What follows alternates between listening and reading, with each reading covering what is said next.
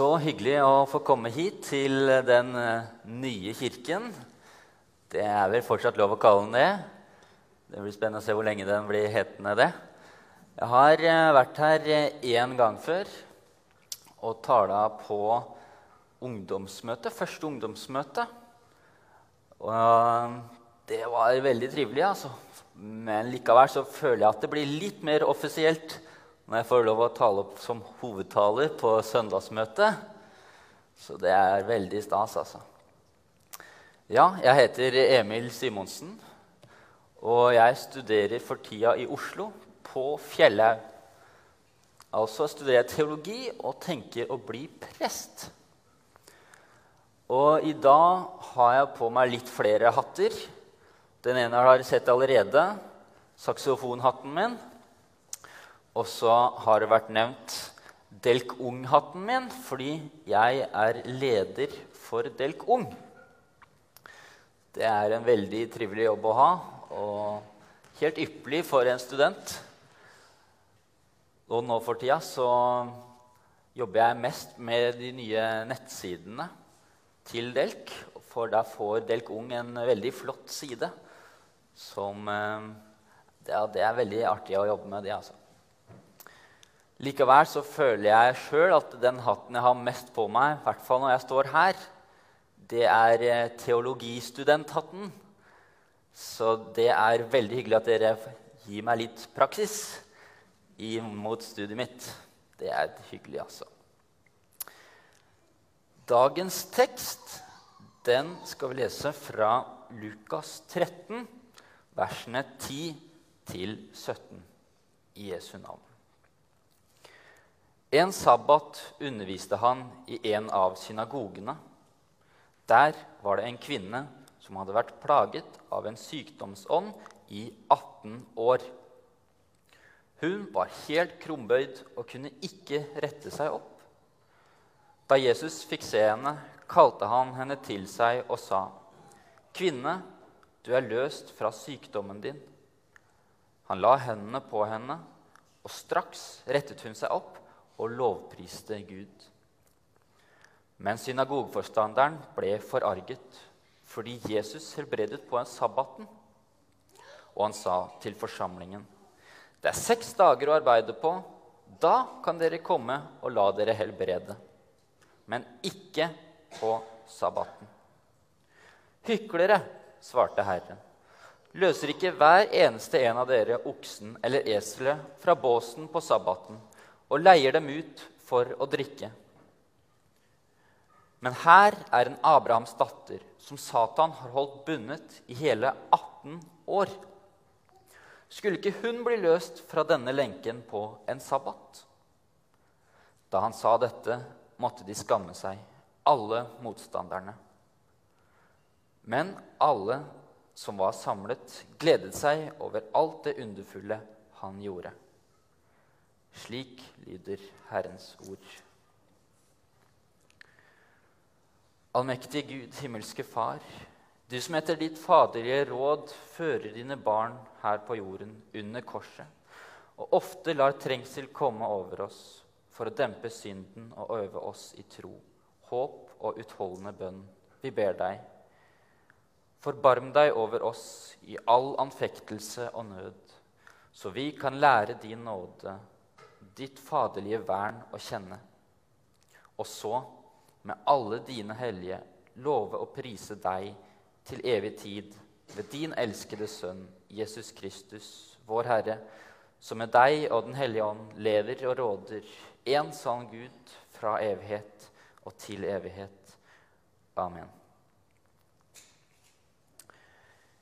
I kirkeåret befinner vi oss nå i åpenbaringstiden. Det er en tid hvor vi ser på tekster som lærer oss hvem Jesus er. Og ofte i åpenbaringstiden så leser vi mye fra Johannesevangeliet. Der møter vi gjerne disse 'jeg er'-utsagnene, som da henspiller på Guds navn. 'Jeg er Jave'.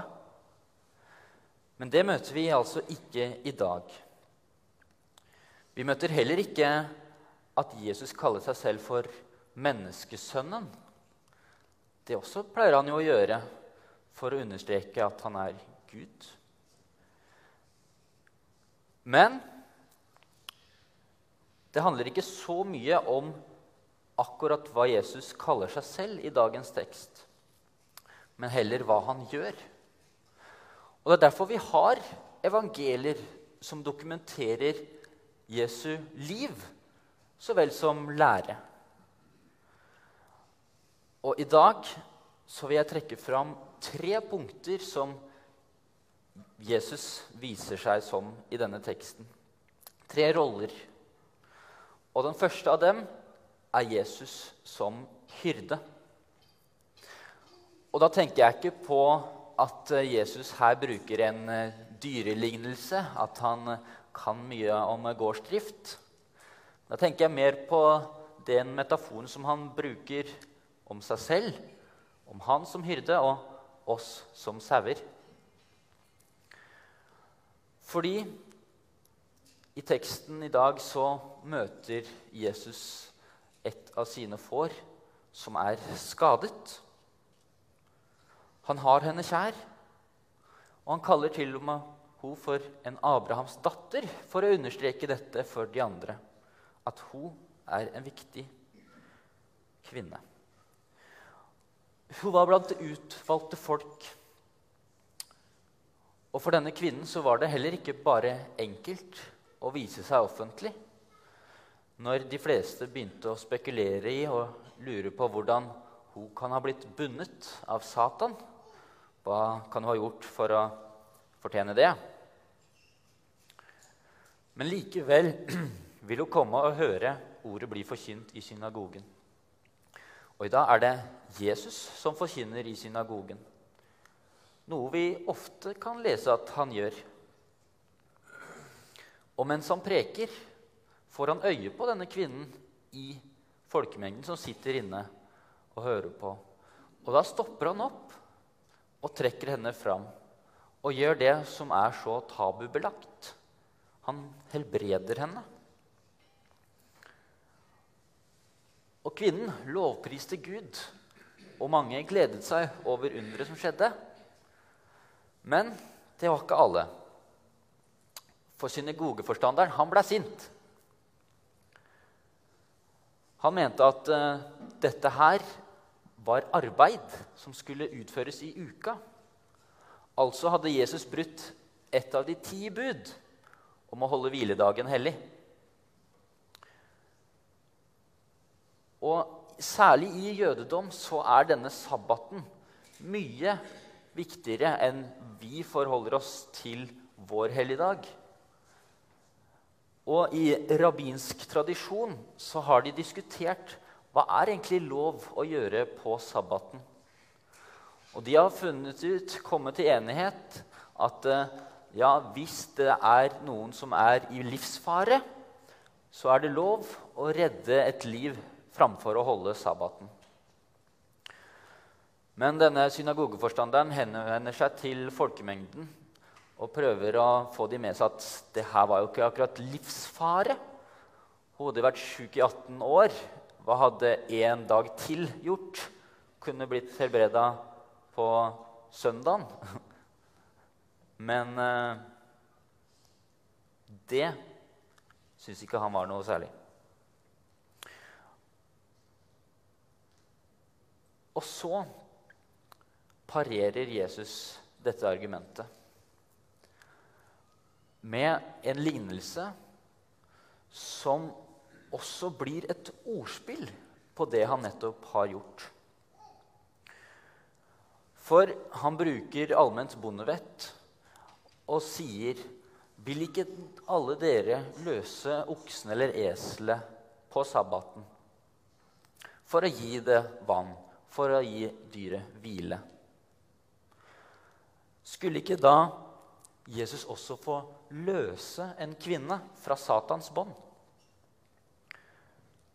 Altså å løse fra båsen og løse fra Satans bånd blir ordspillet der. Men dette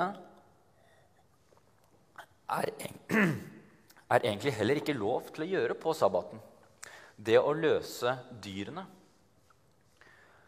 Men dette har altså fariseerne og de jødiske lederne gitt fritak fra loven fordi bøndene så gjerne ville løse dyret. Det er derfor Jesus kaller dem for hyklere. Fordi skulle ikke da man få fritak fra loven til å hjelpe Guds folk? Ta seg av en Abrahams datter? Og det skjønte jo folk at eh, jo, det er jo helt sant. Det, han, Jesus bruker den fariseiske logikken mot dem sjøl. Og det er derfor de må skamme seg. Og dette sabbatsbruddet blir heller ikke tatt opp igjen i anklagene når Jesus står for det høyeste råd og skal korsfestes. Så det tyder jo da på at eh, innenfor denne fariseiske jødedommen så funka logikken sånn at jo, da er det lov å helbrede på en sabbat. Og da ser vi altså at Jesus er den gode hyrden som vet hva folket sitt trenger. For han ser individene og gir dem føde. Han hjelper dem og går dem i forsvar. Han vet hva som gir dem sabbatshvile.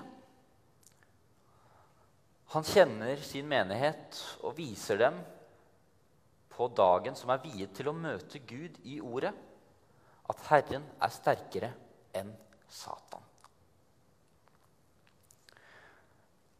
Til mitt neste punkt møter vi Jesus som herre over skaperverket.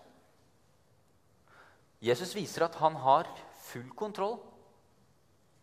Han har skapt alle blomstene, fuglene, stjernene, deg og meg og denne kvinnen. Og han har makt til å gjenopprette skaperverket. Det ser vi ved at han bokstavelig talt retter opp denne kvinnen igjen. Og i begynnelsen av teksten så hørte vi også at denne sykdommen ble koblet på en ånd. En sykdomsånd. Men Gud har jo skapt alle åndene også. Alle de som nå er gode eller onde. For Satan satt jo faktisk i Guds råd før han falt ned fra himmelen som et lyn. Det kan vi lese om i Jobbs bok. Dermed viser altså teksten at Jesus som skaperen har makt over både åndene og det fysiske. For Jesus var der i skapelsesdagene. Han var byggmester hos Gud, står det i ordspråkene 8. Alt er blitt til ved han, står det i Johannes 1. Det var Jesus som var ordet som sa 'bli lys'. Det var Jesus som skapte jorden. Det var med Jesus Gud reflekterte med seg selv og sa 'la oss skape mennesket i vårt bilde. Han var der da Gud hvilte på den sjuende dagen. Hvorfor brukte Gud så lang tid på å skape verden? Kunne han ikke bare gjort det i ett eneste øyeblikk? Alt sammen? Jo, for han skapte ikke bare jorden, men han designa oss en livsrytme. Det er Jesus som har skapt sabbaten. Det er han som er herre over den. Det er han som vet hva som er tenkt med sabbaten. Det viser Jesus oss i dag, og det ser vi også i lignende tekster. Hva er tillatt å gjøre på sabbaten? Å gjøre godt eller ondt? Å berge liv eller ta liv? Om en av dere har en eneste sau, og den faller ned i en grøft på sabbaten, vil han ikke da gripe tak om sauen og dra den opp igjen? Hvor mye mer er ikke et menneske verdt enn en sau? Altså er det tillatt å gjøre godt på sabbaten. Og sabbaten ble til for mennesket. For ikke mennesket for sabbaten. Derfor er menneskesønnen herre også over sabbaten. Jesus er herre over skaperverket, og skaperverket har Jesus som herre. Den tydeligste demonstrasjonen på det får vi litt seinere i evangeliet. Lammet går, blinde ser, stormer stilles. Men skaperverket når sitt klimaks når skaperen henger på korset. Hele kosmos bever ved hans død. Solen formørkes, jordskjelv bryter løs. Graver åpner seg, og forhenget i tempelet revner ovenfra og ned. Jesus, som er Gud, åpna veien inn til Gud. Og det bringer oss til mitt tredje punkt. Jesus er forsoneren som åpnet veien for oss inn til Guds rike. I Markusevangeliet kan vi lese at det er slik Jesus begynner sin gjerning ved å forkynne. Tiden er inne. Guds rike er kommet nær. Vend om og tro på evangeliet. Dette Guds rike er svært eksklusivt. Det er vanskelig å komme inn i. Ja, det er lettere for en kamel å gå gjennom et nåløye enn for en rik å komme inn i Guds rike. Og i dette riket, der bor Guds rettferdige. Det skal ikke lenger være sult og nød, ingen sykdom og sorg. Og menneskesønnen skal regjere med evig makt. Hans rike skal aldri gå til grunne. I vår tekst foregriper Jesus Guds rike. Han gir oss et glimt av hvordan det kommer til å bli. Men han viser også at det allerede er kommet. Ved å helbrede denne syke damen viser han oss at i Guds rike finnes det ikke sykdom. Altså i paradis. Ved å helbrede forkynner han også at Guds rike har kommet nær nå. Vi kan allerede tre inn i dette riket mens vi lever i denne falne verden. Og dette paradokset, det pleier vi å kalle for 'allerede, ennå ikke'. Og ikke bare helbreder Jesus syke i sitt liv her på jorden, men han tilgir også synd. Det betyr at han foregriper dommen som skal komme for å avgjøre hvem som får komme inn i riket og ikke. Og denne dommen tok Jesus på seg da han forsonet Gud med verden. Og slik blir kvinnen som rettet seg opp, et symbol på Jesu frelsesverk.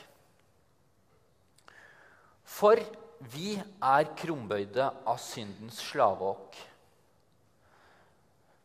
Med all synden som henger på våre skuldre, krummes vi og bøyes mer og mer inn i oss selv Og vi er sta. I syndens natur så vil vi ikke ha hjelp. Vi vil klare oss sjøl. Og særlig vi i det rike Vesten, hvor vi blir lært at eh, vi må fokusere på vår egen karriere og ikke bry oss om de andre om vi tråkker på noen tær. Det er ikke noe farlig. Og fortsetter vi og fortsetter vi, blir vi mer og mer krumbøyd, og det blir vanskeligere og vanskeligere. Og så får vi et kall til omvendelse. Og denne omvendelsen, det er en advarsel. For hvis vi fortsetter å prøve å gå vår egen frelsesvei, så ender vi bare med å gå lenger og lenger ned i gjørma og ender opp i avgrunnen. Men omvendelsen er også en invitasjon. Kom, nå kan du omvende deg. Alt er ferdig. Hvorfor står du der i gjørma og fryser når du kan komme inn her, og vi kan ta vare på deg? Og dermed får jeg lov til å omvende meg og knele med kroppen ned foran korset.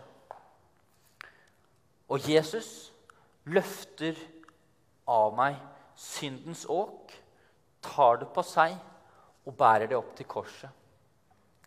Han retter oss opp så vi kan stå framfor Gud rene og uten feil på Kristi dag.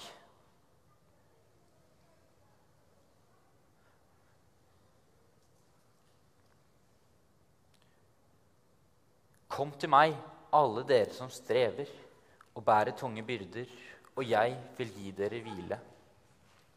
For mitt åk er godt, og min byrde er lett. Guds rike er kommet. Satans rike er i retrett. I dåpen har vi fått løfter om frelse fra døden og djevelen.